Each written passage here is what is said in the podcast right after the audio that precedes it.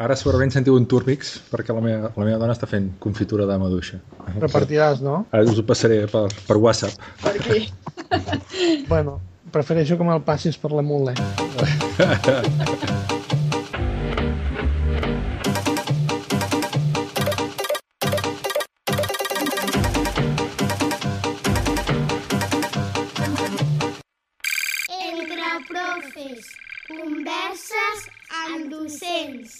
3 W baixa punt applejux punt org Uh, hola a tothom, això és Entre Profes, Converses amb Docents, un podcast en el que professionals d'educació, és a dir, profes, mestres i altres derivats, el que fem és intercanviar experiències, coneixements, idees, amb l'objectiu de millorar una miqueta uh, la nostra tasca diària. Avui som tres. Uh, jo sóc en Cristian Negre, des de Calella, que hauria d'haver sigut l'últim, però bé, ho he fet al revés. Tenim la, des de Mantaró la Montse Paradeda, hola. molt bé, a la Montse, i des de uf, algun lloc de la geografia catalana, el senyor Lluís Tomàs. Hola, bona tarda. On estàs, Lluís? Estic a la comarca d'Osona, a Santa. Eugènia de Berga. Perfecte. Doncs uh, la idea del capítol d'avui, que com ja sabeu seran aproximadament uh, 25-30 minutets, consisteix en, ara que és temporada d'estiu i tenim cert temps per reflexionar sobre què és el que fem, doncs d'intentar intercanviar quines són les nostres perspectives o petits projectes per intentar incorporar, incorporar la nostra tasca al curs vinent. Uh, què us sembla? Comenceu un de vosaltres dos? Qui té ganes de començar? Bueno, jo per cortesia deixaré que comenci la Montse. Molt bé, va. Doncs ja començo jo. Jo començo dient que aquest any he començat a treballar en el càrrec de directora d'ESO i per això veig els projectes potser des d'un altre punt de vista. Um, aquest curs a l'escola, estic a l'escola GEM, és un centre concertat de 0 a 18 anys, hem estat refent el nostre PEC i estem, hem estat treballant en nous projectes diguem-ne educatius i també en els eixos que volíem destacar eh, en el nostre centre com a projecte pedagògic. I per això eh, hem mantingut alguns dels projectes que ja fèiem i n'hem creat de nous. I són aquests nous els que us volia doncs, una mica presentar. Però abans, abans de que segueixis, uh, has dit PEC i poder hi ha algú que no sap exactament el que és el PEC. Sí, és, és, el, és el projecte educatiu del centre, no? és Ok. l'ideari del centre on es despleguen doncs, totes les idees, l- els eixos estratègics, els, els projectes i una mica tota la informació, la documentació del, del centre. Perfecte, clarit. Sí. Doncs eh, jo volia comentar que en tenim, bé, els que fem ja els mantenim, però n'hi ha un parell que em semblen molt interessants. Un està vinculat a l'eix del compromís social. Um, és un projecte d'aprenentatge i servei que aquest any ja hem estat fent i l'hem fet uh, a primària i a secundària i l'any vinent doncs, el farem créixer una mica més. Um, a primària els alumnes, a cinquè i a sisè, participen amb l'Escola de les Aigües de Mataró, que és un centre especial, i el que fan és fer activitats conjuntes. Els nostres alumnes hi van a fer unes sessions amb els alumnes del Centre de les Aigües i fan una espècie de treball col·laboratiu on fan una sèrie de, una part d'una unitat didàctica en conjunt. No? I a secundària hem fet una cosa semblant amb els alumnes de primer i segon d'ESO de manera conjunta amb un grup d'aquests alumnes i amb un grup també de tercer i quart d'ESO. Els de primer i segon han participat en la Marató de TV3, han, han, doncs, van engegar un projecte per recollir també diners i després han, han participat en fer, uh, han promocionat una donació de sang que van fer a l'escola un dissabte doncs, lligat amb una festa d'escola i també ha estat, ha estat interessant. No? I ara, de cara a l'any vinent, el curs vinent, el que volem és promoure això d'una manera més gran i participar en un casal d'avis. Aquest any els de tercer i quart d'ESO també han anat a fer unes visites al casal d'avis i l'any vinent estem treballant perquè això sigui doncs, a un caire més seguit, que tingui més sentit, que mm, aquest intercanvi amb els avis pugui ser doncs, amb més continguts i és una cosa que ens fa, ens fa molta il·lusió perquè ho hem viscut com una... Els nostres alumnes hem vist que, d'ESO, eh, parlo de secundària, els, els sobtava no? i els es sentien importants, eh, la, la calma, la manera de parlar que tenien amb els avis doncs, els ha fet reviure, ha mogut sentiments, no? ara que estem parlant de l'educació emocional, doncs és una part important en aquest projecte. Estem, estem contents. Mm. Molt bé. Uh, vols arrencar tu, Lluís? Sí, bueno, jo, mm, per variar, eh, torno a estar sense saber ben bé què faré, quins grups tindré, quins nivells... Fins i tot no sé ni quines matèries faré el curs que ve. El que sí que sé és que estaré en un centre amb moltíssima diversitat i la meva intenció serà engegar un treball més orientat a l'alumne, més eh, que els alumnes tinguin tasques amb els objectius que volem aconseguir, però sense indicar-los, eh, sense fer punt per punt, eh, has de fer això, després... no, no. Eh, partim d'aquest eh, plantejament, d'aquesta informació, i hem d'arribar a tenir aquest producte. Hem d'arribar a elaborar doncs, eh, aquest dossier, aquest mini reportatge, aquesta pàgina web, aquest eh, podcast. La intenció és aquesta, és que l'alumne sigui protagonista del, de tot el procés, uh -huh. que hi hagi una, una retroalimentació, que els propis alumnes eh, vagin identificant quines són les dificultats que van trobant pel camí, eh, eh, que, que vagin indicant què necessitarien per poder passar al, al, al següent pas, ells siguin autocrítics amb eh, com estan desenvolupant aquelles tasques i el, el, el nivell d'exigència del producte realitzat. Partiré de, de, de, de grups amb molta diversitat, molta interculturalitat. I, perdona, des de quina matèria ho faràs, això? Eh, jo soc professor de tecnologia. Uh -huh. La meva especialitat és tecnologia, però, per exemple, aquest curs passat vaig estar fent tecnologia, matemàtiques, plàstica i una optativa de ràdio. Perquè soc una mica navalla suïssa. sí. Molt bé. Em toca a mi.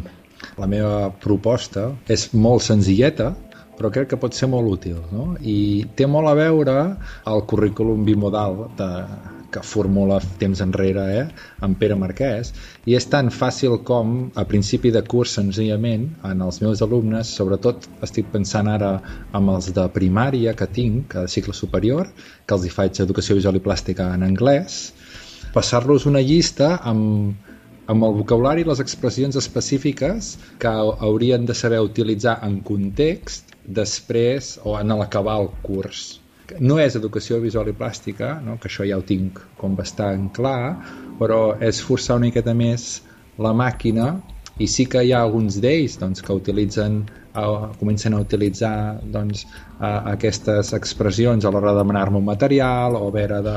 No? Però ara m'agradaria uh, pautar una miqueta més i per als nanos de, de quart d'ESO que tinc també, que treballem un projecte també en teories d'educació visual i plàstica però jo crec que és més de desenvolupament de projectes multimèdia perquè Uh, i aquí i uh, m'ha recordat molt que tu explicaves Lluís perquè és molt com treballo amb ells no?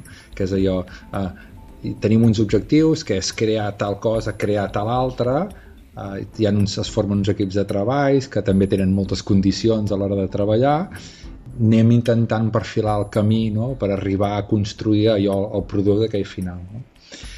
Eh, durant tot aquest procés sí que hi ha uh, molts de temes tangencials no? que estan detallant i treballant i que estan contemplats en els objectius, però a vegades a final de curs em dono compte això ja fa com 4 o 5 anys que faig aquest crèdit, que molts d'aquests conceptes tangencials per mi han estat doncs, molt importants, però amb ells no han sigut focus del seu punt d'atenció, sinó que s'han centrat molt més en un, espat, en un altre aspecte, no? I llavors també m'agradaria a principi de curs afegir aquesta informació bàsica donar-los quan acabem aquest curs hem, quan jo parli de jo què sé, uh, drets d'autor uh, o de la propietat intel·lectual doncs uh, heu de tenir molt clar uh, de què és el que estem parlant no? Sí. Jo, aprofitant això que heu dit tots dos, també em recordava, mentre anàveu parlant, amb una, amb una optativa també tercer d'ESO aquest any, que hem fet emprenedoria i, i durant el primer trimestre un grup d'alumnes doncs, ha creat ha buscat un objectiu, l'ha creat, un grup d'alumnes de quart d'ESO van crear un repel·lent d'insectes i, i va tenir èxit, van participar en la competició catalana de mini empreses, van arribar, van ser finalistes de Catalunya i finalment van anar a Madrid i va ser tot molt sobtat, va ser realment, no, ningú s'ho esperava. Era un dels grups que havia creat un producte que va acabar doncs, guanyant i per tant participant més lluny i això implicava doncs, promoure altres valors dins la, el treball de grup i també promoure mm, molta més feina. No? I quan vam fer la valoració final, després ja de la tornada i, i amb la classe sencera, Uh, el que van valorar aquests alumnes va ser justament això, no? la manera de treballar diferent, la manera que, que això els va fer treballar de manera molt diferent de la que estaven acostumats a l'aula. I els pares, el que ens deien també, la seva valoració va ser que, que per primer cop, o per feia molt de temps, que no els veien tan motivats per passar-se doncs, estones, evidentment, després d'escola, els vespres, els dissabtes, venia a treballar a escola per preparar una cosa que els feia il·lusió. No? I en el fons suposo que hem de tornar a buscar això, la motivació i la il·lusió, perquè és el que ens mou a tots. No? Els alumnes i els, els profes també. Treballar amb il·lusió és molt, és molt millor. I tant, sense cap mena dubte. Us sembla, uh, si no voleu afegir res més, que passem, com que som tres, ja al tema de les recomanacions? Jo volia dir una coseta petitona només, que em fa il·lusió, molt, molt, molt petitona. Digues, digues. Presentarem un projecte també nou que he portat, diguem aquell liderat jo, que es diu Live and Learn. Eh, jo soc profe d'anglès, perquè fem un intercanvi amb els alumnes de batxillerat en una escola anglesa i eh, ens feia il·lusió eh, promoure també aquells alumnes que són bons, va una mica lligat amb les altes capacitats i amb alumnes allò que destaquen per la banda alta, no? que sempre ens dediquem més aviat a la banda baixa i a la banda alta sovint els deixem una miqueta més desatesos. Doncs és un projecte mm, pensant en aquest tipus d'alumnes, una espècie d'intercanvi també, en què els nostres alumnes del centre podran anar a estudiar tres setmanes a Anglaterra a aquestes escoles durant el juliol, que ells encara estan fent classes, i els alumnes eh, de l'escola anglesa vindran cap aquí. I bueno, hi ha unes, unes bases, uns criteris i eh, aquest és el començament, però la nostra intenció és poder-ho promoure també doncs, amb altres llengües, com estem treballant en francès i, i poder fer un pensament ja més global i, des, i, i pensar en com promocionar que els nostres alumnes doncs, puguin fer, entre cometes, i enteneu-me, eh, uns petits Erasmus. Una cosa molt, mm -hmm. molt, molt, molt més d'estar per casa, però aquesta és la nostra idea i ens fa, ens fa il·lusió. A veure, no. és una prova pilot, a veure com va. No, aquí, aquí a l'escola Pia de Calella ja fa uns quants anys que ho fem, intercanvis, i, i, i als nanos els hi encanta, eh? estan contentíssims de l'experiència, aprenen moltíssim. Sí, sí. No, intercanvis fem, eh? ja, ja el fem amb la classe sencera. Això és una cosa molt més puntual, a nivell de famílies estem parlant de 3 o 4 alumnes només, després d'haver fet l'intercanvi. Una cosa més de one to one, no? Sí, una cosa molt, molt, uh, molt més mm, bueno, també de vacances, no? Puntual, exacte, sí. sí. Mm -hmm. Mm -hmm. Molt bé. Doncs, uh, si us sembla, passem a les recomanacions. Va, Lluís, tu primer també. Ah, jo primer, vinga. Uh, doncs jo recomanaria l'Evernote. L'Evernote és un entorn uh, al núvol.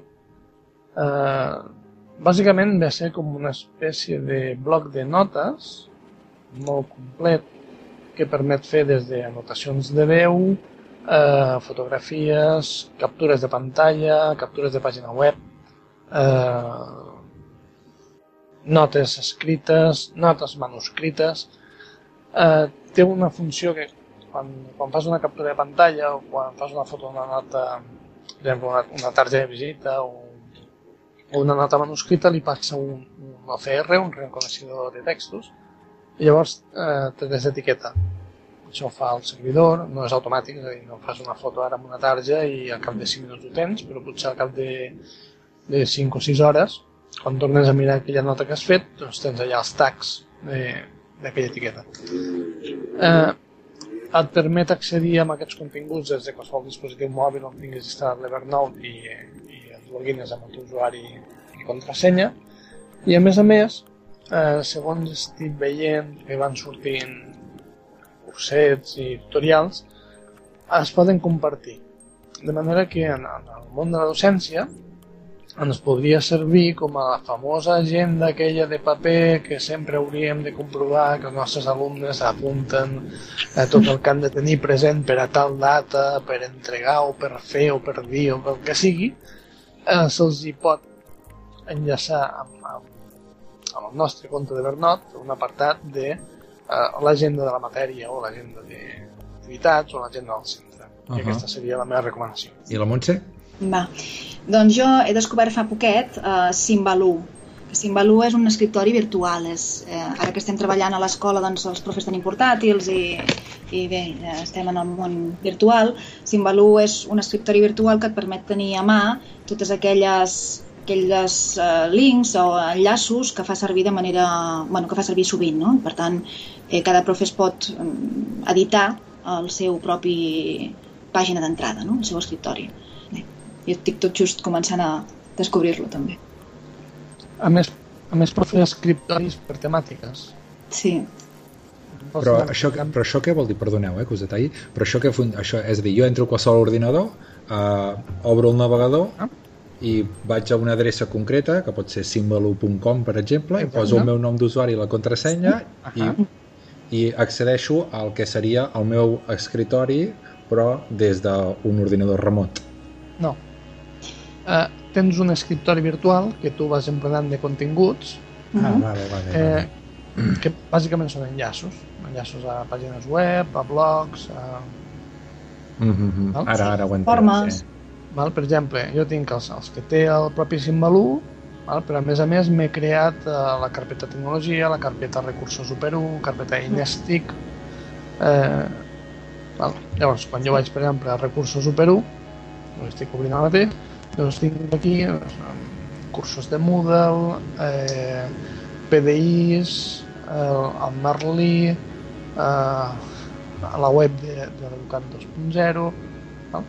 Mhm. de manera que no em cal recordar les adreces, que Mhm. vaig, al, vaig al símbol a qualsevol ordinador que estigui, o tablet o el que sigui, me'n vaig a la pàgina web de Símbol 1, entro en el meu usuari i contrasenya i tinc aquest multiescriptori amb els enllaços que jo he anat posant i a més a més els puc compartir amb altra gent. És útil. Molt bé, molt bé, sí, sí. I per la meva part, en tenia una pensada, però se m'ha ocorregut una altra. Però, bueno, comencem per la primera. La primera és Duolingo. És una aplicació... Bueno, va començar sent un servei web i fins fa poc eh, hi havia una aplicació, però només era per eh, iOS, és a dir, per als de la pometa. Però ara fa cosa d'un parell de mesos, jo diria, ha sortit la versió d'Android i realment funciona molt bé. És un joc per aprendre idiomes. Uh, pots fer anglès, pots fer alemany, pots fer portuguès, uh, però sempre has de saber, per exemple, només pots fer alemany uh, si ets, uh, o si, si coneixes l'anglès, perquè has de fer funcionar a través de uh, exercicis en el que has d'ordenar frases o els has de traduir, et fan un petit dictat i l'has d'escriure, llavors uh, no pots fer des de castellà, no pots fer qualsevol llengua, sinó que pots fer només o, o italià o francès, però no pots fer castellà-alemany. M'explico? Sí, sí. Molt bé. Llavors, um, està bé perquè hi ha com tot, és com una mena de joc en el que hi ha una estructura i vas avançant de nivells de tots els teus uh, companys amb els que hi jugues uh, doncs es va creant una llista i quan algú treu més punts que tu t'envien un correu electrònic d'aquells tan macos que te diuen ei, a Duolingo tal, t'acaba de superar no vols dir que ara fins i tot l'any que ve a la- a l'escola volíem fer una petita, una petita lliga entre alguns quants alumnes Bona i, idea. i fer sí. sí, volíem fer-ho bueno, si voleu fer-ho ja posem en contacte i, i creem una lliga nacional catalana Vinga, va. molt bé. I l'altre és uh, un treball d'uns alumnes meus que van acabar aquest curs passat i és una paròdia d'un programa d'aquests que jo ni coneixia, que es diu com Gandia Shore o alguna cosa així, que són uns quants eh, joves, adolescents, no sé bé quin és el que els atanquen en una casa i se'n van de festa. És com un gran hermano, però una, una versió molt rara. I ells han fet una paròdia d'això que es diu Sandia Store. És un petit vídeo que dura uns 11 minuts i que si aneu a, a Google i poseu Sandia Store, doncs Ah, us el recomano a veure què us sembla, perquè veieu què és el que fan els meus alumnes. Molt bé. Molt bé. Doncs res, se'ns està acabant el temps. Mm. Què teniu pensat fer uh, aquestes vacances? Alguna cosa en especial? Doncs jo intentaré acabar de llegir dos llibres que tinc a mitges, perquè a més eh, els necessito bastant. Un és el que ens va recomanar una companya en, el, en, un, poc, en un podcast anterior, que és eh, per què els nens no els agraden a l'escola. Mm. Me l'estic mirant, està bastant bé, és des de, les, des de la neurociència, explica el, el, el per què ens ve tant de gust anar a l'escola quan són grans i no tant quan són petits. I l'altre me'l va recomanar el Jordi Adell i és eh, les, les invariantes pedagògiques de Freinet, eh, una revisió en 50 anys després. Doncs tots dos són bastant convergeixen bastant a la temàtica. Eh, a més, com que me'ls estic llegint una estona un, una estona l'altra, i van, van sobre el mateix, que, que a sobre és bàsic, que és entendre com funciona el procés d'aprendre. Perquè si nosaltres ensenyem, vol dir que algú ha d'aprendre. I si, I si no tenim ben entès eh, o ben assumit com funciona aquest procés d'aprendre, que a sobre és diferent a cada persona, però hi ha, unes, hi ha uns punts en comú, és, si no sabem com, com funcionen aquests processos d'aprenentatge, la tasca d'ensenyar, la tasca d'educar, és, és bastant més feixuga. És com el dels temps d'atenció de, de i totes aquestes coses que de mica en mica no, es van descobrint i es van... Em va sorprendre moltíssim no? que tenim les classes en general estructurades amb fraccions d'una hora i resulta que a nivell cerebral, no sé quin és l'hemisferi que s'encarrega d'això ni quina part concreta, però que la tensió màxima no les pot extendre més enllà de 30 minuts. Vull dir que dius, ostres, eh, són aquestes quotes suposo que de mica en mica es van descobrint i dius, jolines, tio, aquí hi ha coses que no estan, que no estan ben pensades, eh? Sí, a veure, el, el famós model de Finlàndia que tant, tant tenim com a referent, les classes són de 45 minuts amb una pausa de 15 minuts entre classe i classe. Mm. O sigui que sí. potser el tema d'atencions, el tema de temps, el tema d'activitats eh, té alguna cosa a veure. Jo moltes vegades eh, tu penso i dic, a veure, si a mi em fessin estar les hores que estan els, els alumnes aquí mm. al centre, amb el mobiliari que tenen, sí. i fent les activitats que graciosament els proposem fer, potser també tindria un comportament una mica disruptiu. Sí, certament. Jo tinc una companya que sovint diu els nens, quan són petits, es passen l'estona, bé, les mestres es passen l'estona fent-los moure's, eh, moure's entre ells, no? I a una certa edat el que fem és que s'estiguin quiets i que s'escoltin, no? Encara eh, estem ensenyant, hem d'aprendre de nou a ensenyar d'una manera per tothom, no? En un, antic, en un altre podcast també vam parlar de, del Flip Classroom, que és aquesta, una, una de les nova metodologia, bé, no tan nova. Jo, quan parlaves de llibres, pensava, jo aquest és el que tinc pendent ara per, per l'agost, perquè també engegarem alguna cosa en aquest sentit i, i bé, hem d'anar a la font, no? Uh -huh. I llegirem. Mm. Vam tenir una, una petita trobada de profes interessats a finals de juny i vam buscar materials a la web, a Twitter, coses que entre tots sabíem i certament hi ha molt, hi ha molt material, el que passa que és com tot, no? necessites temps per triar, destriar i després decidir què és el que més, més s'adapta a, doncs, a la manera que, de fer que tens tu o en el centre on estàs o... i tot just hi estem començant a entrar amb la idea de fer alguna cosa amb cara i ulls del proper curs, fer un, també un, fer una provatura, a veure com va. Mm. Carai. De tota manera, això del Flip Classroom, mm, jo m'ho miro amb una certa reticència. Mm. Eh, no, no deixa de ser els cursos eh, amb DVD o els cursos en casset o mm. els cursos en fascicle que tu podies anar fent tranquil·lament a casa teva, amb la teva disposició horària, el que sigui, que qui més qui menys o n'ha fet algun o coneix algú que n'hagi fet algun mm. i, i ja veiem quina és la, el resultat que tenen. Mm. Sobre el paper, sí. el plantejament està molt bé, bueno, tens a la teva disposició el material que necessites per aprendre una certa cosa. No, però jo, jo, jo, jo ho plantejo, jo fa temps eh, que faig coses.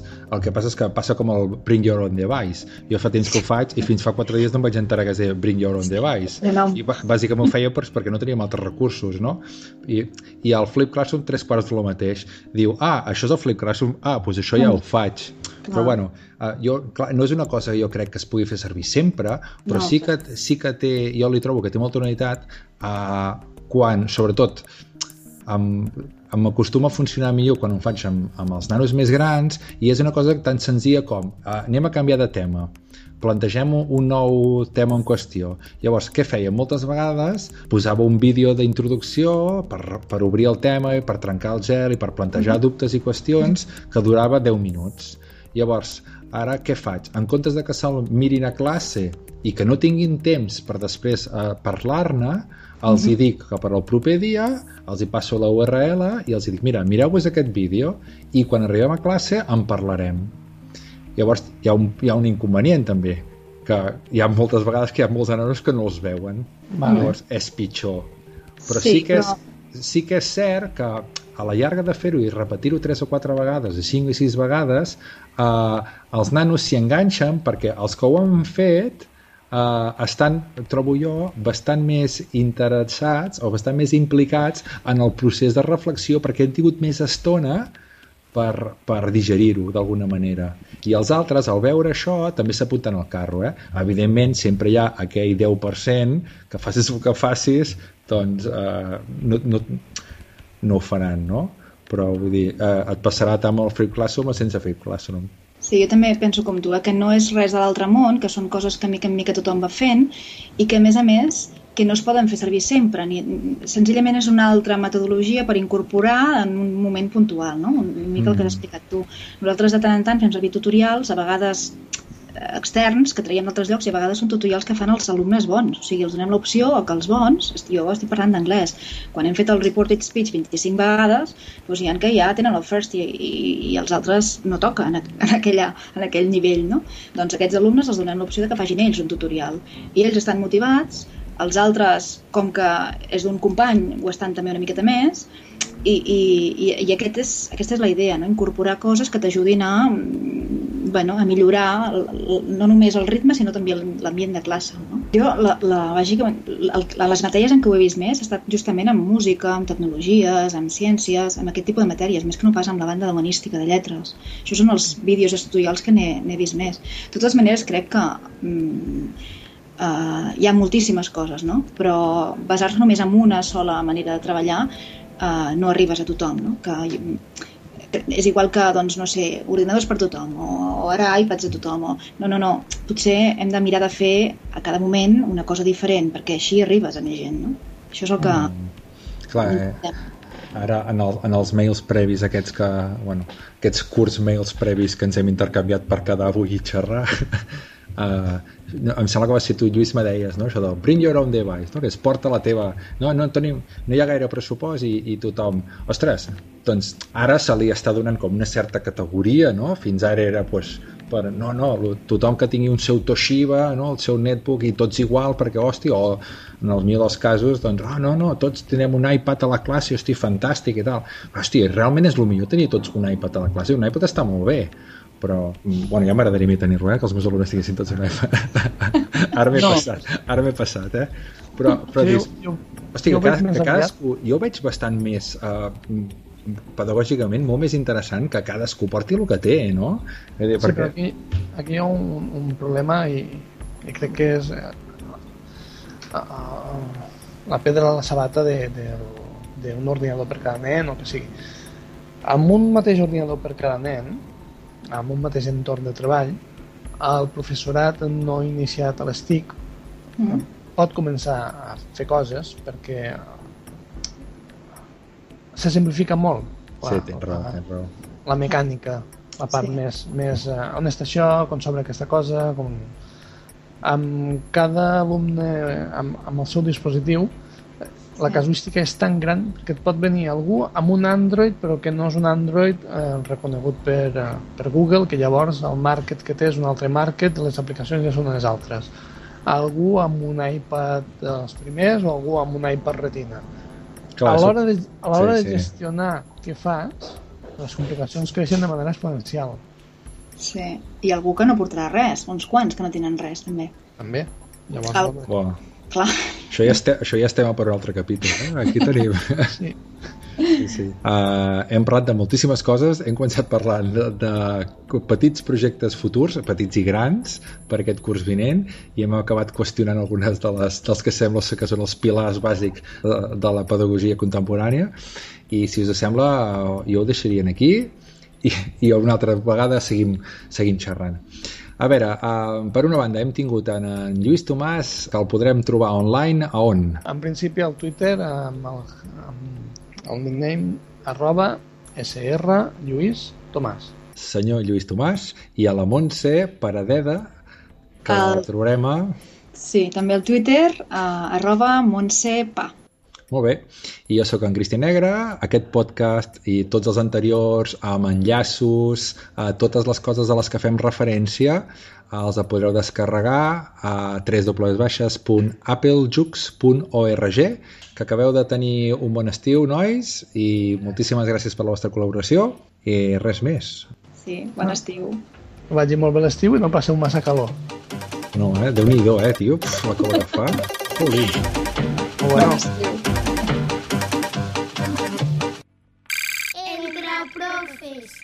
Converses amb docents. 3 W baixa.